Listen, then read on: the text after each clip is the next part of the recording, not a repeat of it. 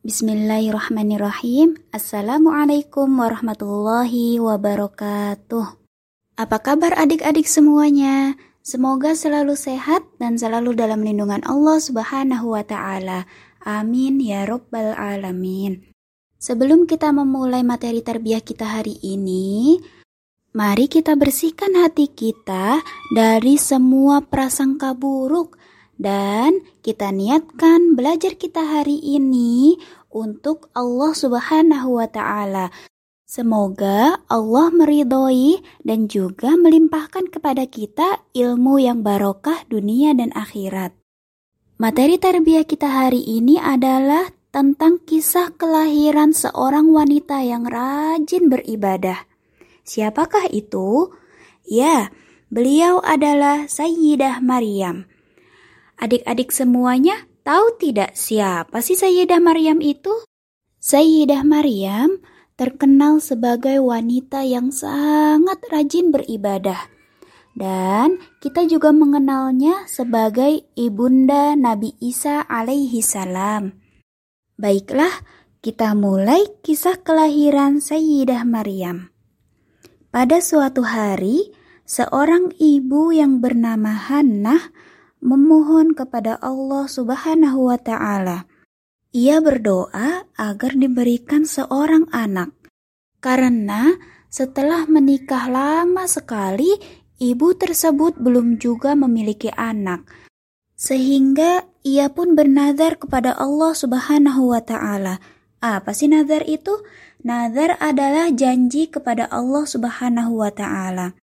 Ia bernadar bahwa kelak anak yang ia lahirkan akan dididik menjadi anak solih yang hanya beribadah kepada Allah Subhanahu wa Ta'ala sepanjang usianya.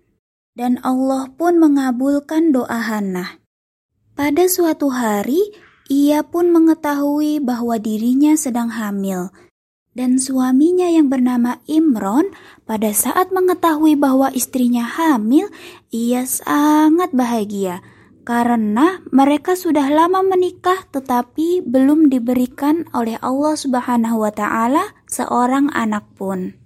Dengan kehamilannya, Hana bersyukur dengan cara beribadah sepanjang hari. Beliau merawat kehamilannya dengan sukacita dan pada suatu hari, saat melahirkan pun tiba. Hana melahirkan seorang anak perempuan yang sangat cantik.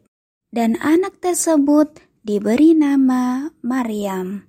Hana mendidik Sayyidah Maryam sesuai dengan ajaran Islam. Dan ia pun selalu mendoakan Sayyidah Maryam. Doa Hana, ibunda Sayyidah Maryam, untuk Sayyidah Maryam adalah aku memohon perlindunganmu untuknya dan anak cucunya dari gangguan setan yang terkutuk. Dan dengan kuasa Allah Subhanahu wa taala, Allah mengabulkan doa Hannah. Sayyidah Maryam tumbuh menjadi gadis yang selalu beribadah kepada Allah. Maryam selalu sholat dan puasa.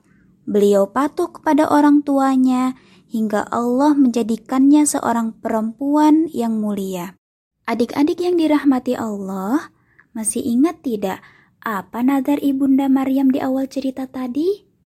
Benar sekali.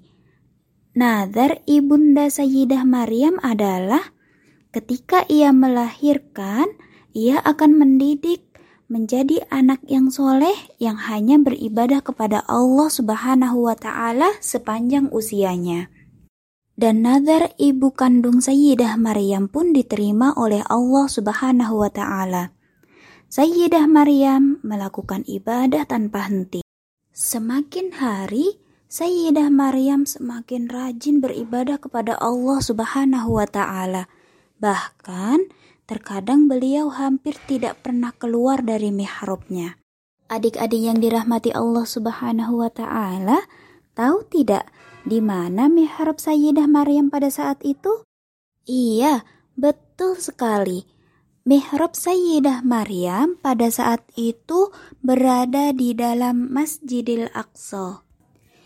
Sayyidah Maryam hanya beristirahat ketika hendak pergi ke kamar mandi. Lalu, apa yang dikerjakan oleh Sayyidah Maryam di dalam mihrabnya sepanjang hari? Ya, beliau gunakan sepanjang hari hanya untuk beribadah kepada Allah Subhanahu wa taala. Sehingga melihat hal itu, Nabi Zakaria, paman Sayyidah Maryam menjadi khawatir. Beliau khawatir dengan makanan yang akan dimakan Sayyidah Maryam.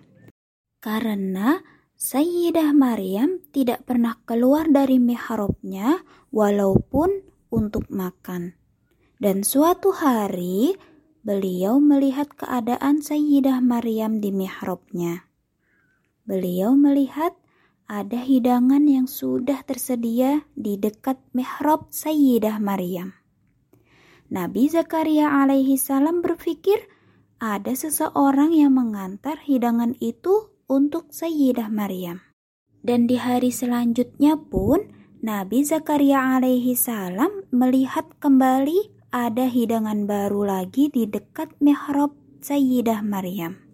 Karena penasaran, akhirnya Nabi Zakaria alaihi salam bertanya kepada Sayyidah Maryam, "Wahai Maryam, dari mana ini engkau peroleh?" Kemudian Sayyidah Maryam menjawab, "Itu adalah dari Allah Subhanahu wa taala." Setiap hari hidangan itu berganti.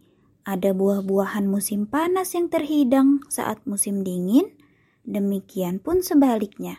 Dan akhirnya Nabi Zakaria pun tidak merasa khawatir kepada Maryam karena ia menyadari bahwa Allah Subhanahu wa taala telah memberi Sayyidah Maryam rezeki dari sisinya. Tidak ada yang mustahil bagi Allah. Hal itu menjadikan Sayyidah Maryam dapat beribadah sepanjang hari tanpa takut kelaparan. Oleh karena itu, Sayyidah Maryam terkenal menjadi seorang wanita yang rajin beribadah. Dan beliau pun menjadi ahli ibadah di Masjidil Aqsa. Sekian kisah kelahiran Sayyidah Maryam, seorang perempuan mulia yang rajin beribadah. Adik-adik yang dirahmati Allah Subhanahu wa taala, tahu tidak bahwa Kisah kelahiran Sayyidah Maryam ada di dalam Al-Quran loh. Ada di dalam surat Al-Imran ayat 35 sampai 37. Masya Allah, luar biasa sekali ya kisah kelahiran Sayyidah Maryam ini. Dan sekarang Ustazah akan menyimpulkan apa sih pelajaran yang dapat kita ambil dari kisah ini? Pelajaran yang pertama yaitu harus menepati janji ketika kita sudah mengucapkan janji tersebut. Dan dalam agama Islam sangat menganjurkan untuk umatnya selalu menepati janji yang telah diucapkan. Karena orang yang tidak menepati janji termasuk dalam ciri-ciri orang yang munafik. Tidak mau kan kita menjadi orang yang munafik? Maka dari itu, kita harus selalu menepati janji apabila kita sudah mengucapkan janji tersebut. Janji kepada manusia saja sangat dianjurkan dalam agama untuk menepatinya, apalagi ketika kita telah berjanji kepada Allah Subhanahu wa taala. Hukumnya wajib untuk menepatinya. Pelajaran yang kedua yaitu Jangan pernah berputus asa ketika doa kita belum diijabah oleh Allah Subhanahu wa taala. Kita harus terus berdoa dan berusaha agar doa kita diijabah oleh Allah Subhanahu wa taala. Seperti kisah Ibunda Sayyidah Maryam tadi yang sudah bertahun-tahun menikah tetapi belum juga diberikan seorang anak. Karena ibunda Sayyidah Maryam yang tidak pernah putus asa dan selalu berdoa dan selalu berusaha, maka akhirnya Allah Subhanahu wa taala mengijabah doa-doa dari ibunda Sayyidah Maryam.